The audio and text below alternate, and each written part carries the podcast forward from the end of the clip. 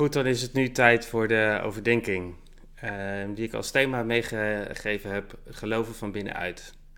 En misschien is dat juist ook in, in deze tijd waarin we opnieuw een, ehm, in een gedeeltelijke lockdown uh, zitten.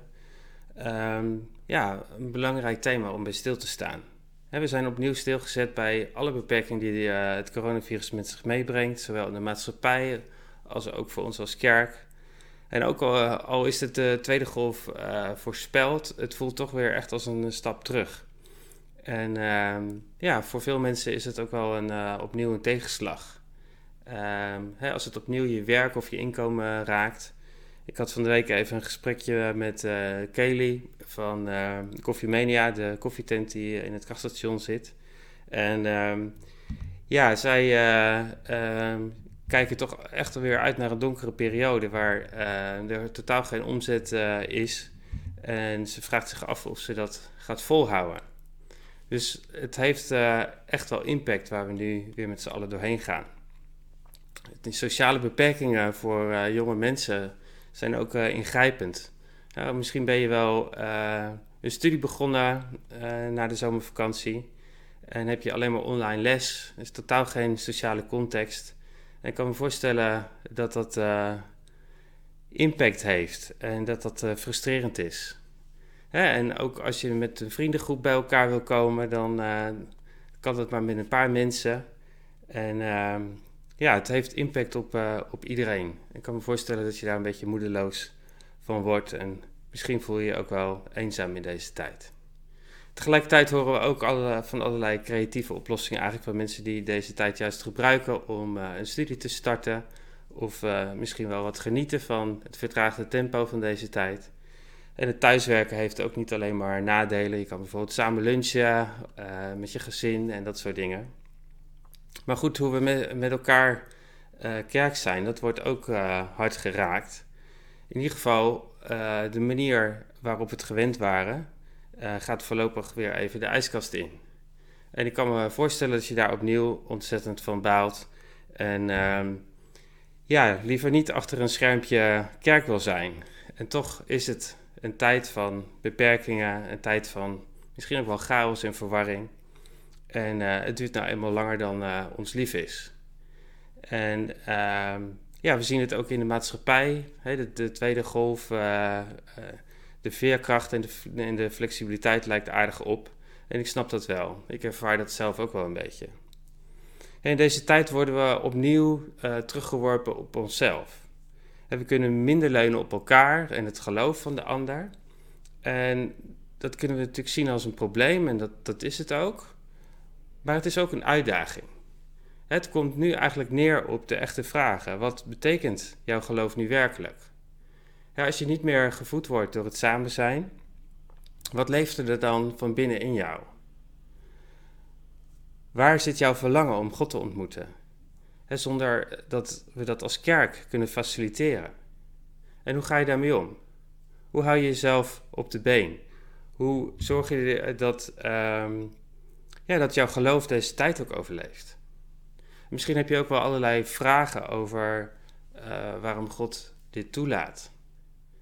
En ehm, ja, waar is God nu? Nu er zeg maar zulke grote scheuren zijn ontstaan in het zorgvuldig opgebouwde comfort van onze westerse wereld. het, het, wordt heel erg pijnlijk duidelijk dat, ehm, dat we dit virus niet onder controle hebben. Vandaag wil ik starten met een nieuwe serie van overdenkingen. En we hebben het uh, thema Leef van binnenuit meegegeven. En ehm, ja, als ondertitel Leef en geloof vanuit je diepere wezen mag het diepe van jouw hart het diepe van Gods hart raken. Um, ja, leef van binnenuit. En dat is een uh, vervolg op de Mindset-serie. En die serie die ging uh, over ons denken en hoe gezond denken leidt tot een gezond karakter. En in deze serie, Leef van binnenuit, staan we stil bij een laagje dieper. Wat is er in jouw hart? Wat is er in je geest? Uh, van waaruit leef je eigenlijk? Hè, en deze coronatijd legt misschien wel meer bloot dan uh, dat ons lief is. Hè? Leef je eigenlijk wel van binnenuit? En wat is jouw bron van waaruit je leeft? Hè, lukt het jou in deze tijd je geloof levend te houden? Lukt het jou om te leven vanuit Gods belofte? Of ben je dat nu even kwijt? voelt deze tijd misschien wel opnieuw als een woestijnperiode, zoals Joods laatst benoemde?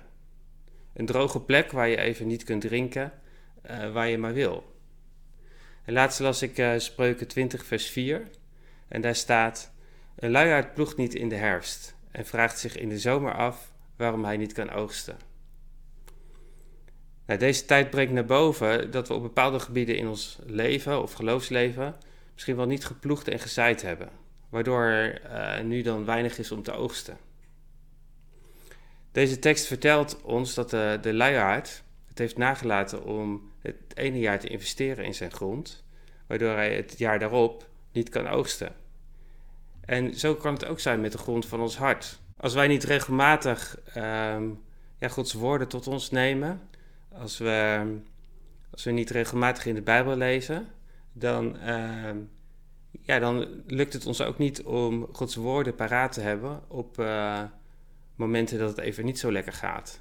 En uh, ja, misschien ken je dat wel, dat je momenten in je leven hebt dat je onrust of onvrede ervaart. Misschien wel uh, ja, diepgaande persoonlijke vragen waar je bij stilgezet wordt.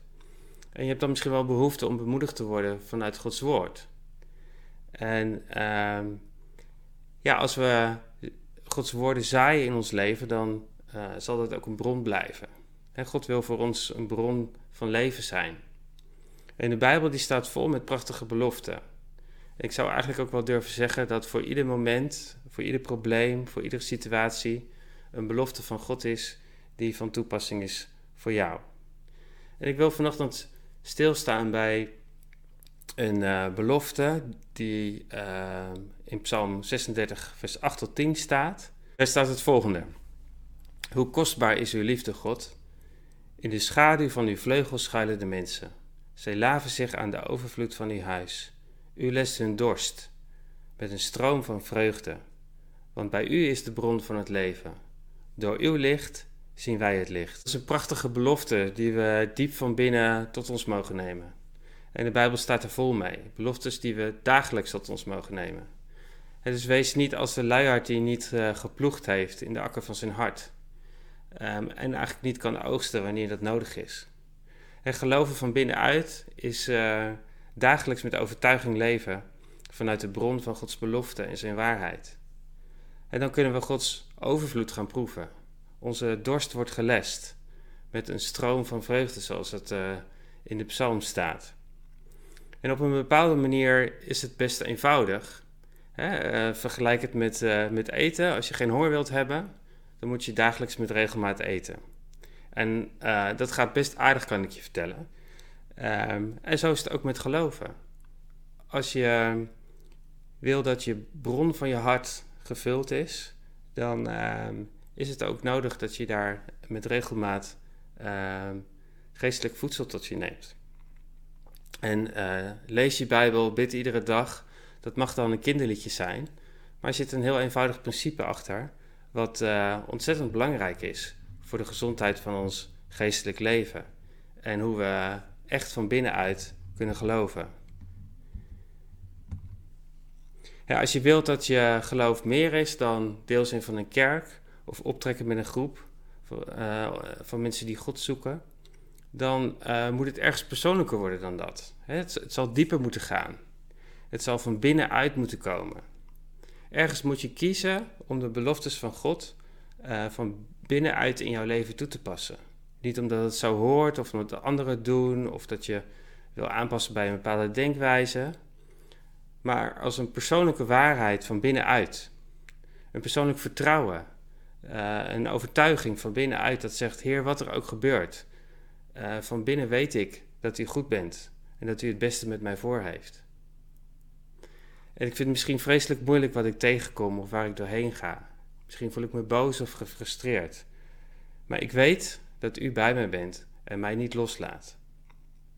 Nou, ik loop daar in deze tijd uh, zelf ook wel tegenaan. Hè? Het, het, het kost wat. Het is een stap om tegen de weerbarstigheid van de, van de werkelijkheid, hè, van het nu. We kunnen niet samenkomen in Gods huis Als we dan naar die uh, belofte uit Psalm 36 kijken, ehm, hoe, kunnen we dat dan met overtuiging vasthouden? Ik vind dat soms ook wel ingewikkeld. Um, er staat dan dat mensen zich laven aan de overvloed van Gods huis. Nou, hoe werkt dat in deze tijd als we nog ineens bij elkaar kunnen komen? Maar als ik dan verder uh, lees in de tekst, dan realiseer ik me wat daar eigenlijk staat. En dat God zelf de dorst van mensen lest, uh, die in de schaduw van zijn vleugels schuilen. En dan is het weer alsof God heel persoonlijk spreekt. Uh, ik weet wat ik aan het doen ben en het hangt niet van jullie af. Mijn beloften gelden altijd, zelfs als er helemaal geen kerk zou zijn. Het punt is dan ook dat de omstandigheden ons niet per se gaan overtuigen, maar dat we een ontmoeting met God zelf nodig hebben om van binnenuit overtuigd te raken van Gods karakter. En we hebben het nodig dat Gods woorden dieper zakken dan ons denken. Gods woord is geen informatiebron die je net als Google raadpleegt als je zit met een vraag. Het is geen droge waarheid of platte tekst. Nee, Gods woorden zijn levengevende liefde voor jou en mij. Een bron om echt te leven van binnenuit. En we hebben de indruk dat God in deze tijd ehm, ja, zijn kerk op eigen benen wil zetten, rechtop. En dat hij ons persoonlijk geloof wil versterken. Geloof van binnenuit. En dat geloof van binnenuit zal um, zowel voor jouzelf een bron van leven zijn, maar dat is ook iets wat je uh, mee mag nemen de wereld in, op de, op de plekken waar jij komt, waar je mensen ontmoet, waar je werkt. Um, je kunt dat geloof van binnenuit biddend uitleven. Onze behoefte om dingen te begrijpen en logisch te beredeneren zit vaak in de weg voor een dieper geloof van binnenuit. We hebben in onze cultuur allemaal geleerd om rationeel te denken en om dat uh, te waarderen als een manier van kennen. En um, vaak veel meer dan andere manieren van kennen, zoals intuïtie of ervaring bijvoorbeeld. Het denken van onze tijd kan, uh, kan dan ook behoorlijk in de weg zitten om van binnenuit te geloven. Het denken van onze tijd trekt sowieso het bestaan van God en zijn karakter en zijn waarheid in twijfel. Um, dat kom je ook gewoon dagelijks tegen. En soms heeft het ook gewoon nodig om stilgezet te worden en even te reflecteren. Wat, wat geloof ik nu zelf van binnen? Als alle ruis en herrie van deze tijd eventjes wegvalt. Wie is God dan voor jou? Misschien is het goed om, om nu ook even een moment te nemen om even te voelen van waar zit jij? Wat geloof jij eigenlijk van binnenuit over God en over zijn karakter? probeer dat eens te voelen. Probeer er eens bij stil te staan. Laten we daar even een uh, moment voor nemen. En ja, probeer samen te vatten in, in een paar woorden wie God voor jou is. God verlangt ernaar om te horen wat zijn kinderen tegen hem willen zeggen. En je kunt wat jij uh, tegen hem gezegd hebt ook delen via de link of de QR-code uit de zwee. En dan zien we uh, van elkaar wie God voor ons gezamenlijk is. Ik ben benieuwd wat er uitkomt. Dus laat het achter daar. Nogmaals, het denken van deze tijd kan behoorlijk in de weg zitten als je Gods belofte wil toepassen in je leven. Er zijn natuurlijk meerdere manieren om aan de slag te gaan met Gods belofte. die staan natuurlijk in de Bijbel. Dus allereerst is het ook belangrijk dat je dagelijks je Bijbel leest. Probeer dat echt prioriteit te geven in je dagelijkse routines. Misschien doe je dat al. Of je nu de dag start of eindigt, dat maakt uiteindelijk al niet zo heel veel uit. Maar misschien uh, ben je er ook wel mee gestopt. En heb je het eerder geprobeerd, maar misschien vastgelopen. Ik zou je echt willen aanmoedigen om het weer op te pakken. Um, en om je daarbij te helpen, uh, willen we eigenlijk wat, uh, wat titels van Bijbelse dagboekjes met elkaar delen. Soms kan het gewoon echt helpen om weer even verfrist te worden als je een dagboekje gebruikt wat je helpt om de Bijbel dagelijks te lezen.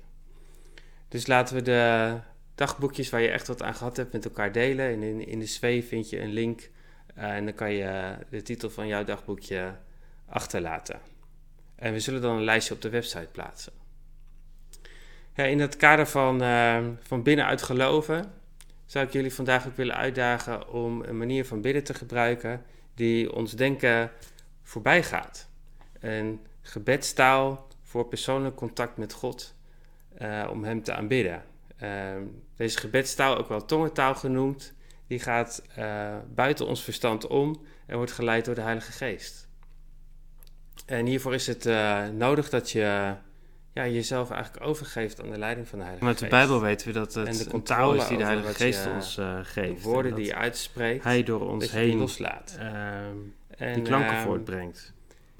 Ja, door zo'n persoonlijke gebedstaal wordt je zelf opgebouwd. En ehm, is het eigenlijk een hele intieme en persoonlijke uh, contact met God. En het lijkt soms ook wel een beetje op het, uh, het zuchten van de geest, zoals je dat tegenkomt in uh, Romeinen 8, waar Paulus het volgende zegt. Romeinen 8, vers 26.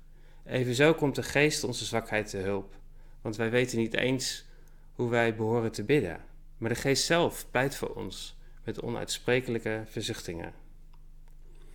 En deze gebedstaal is uh, ja, voor opbouw van jezelf in geloof, voor aanbidding van God als woorden tekortschieten.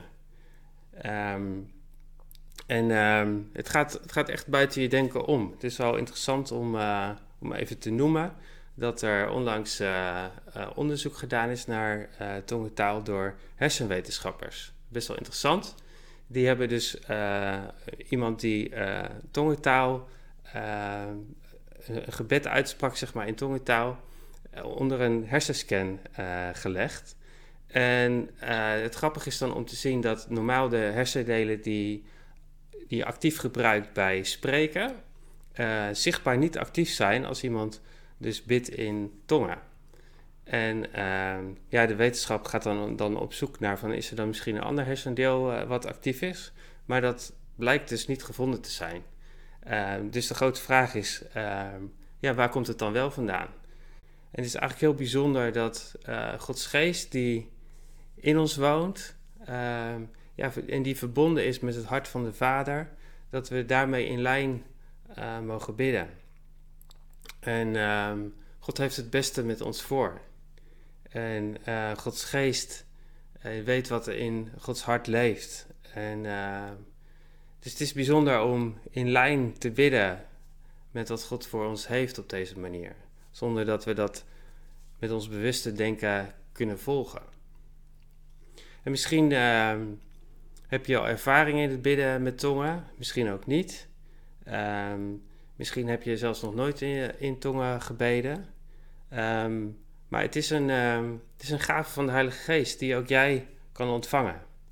En uh, aan het eind van deze overdenking wil ik ook graag uh, voor je bidden als jij het verlangen hebt om ja, in uh, deze speciale gebedstaal te leren bidden.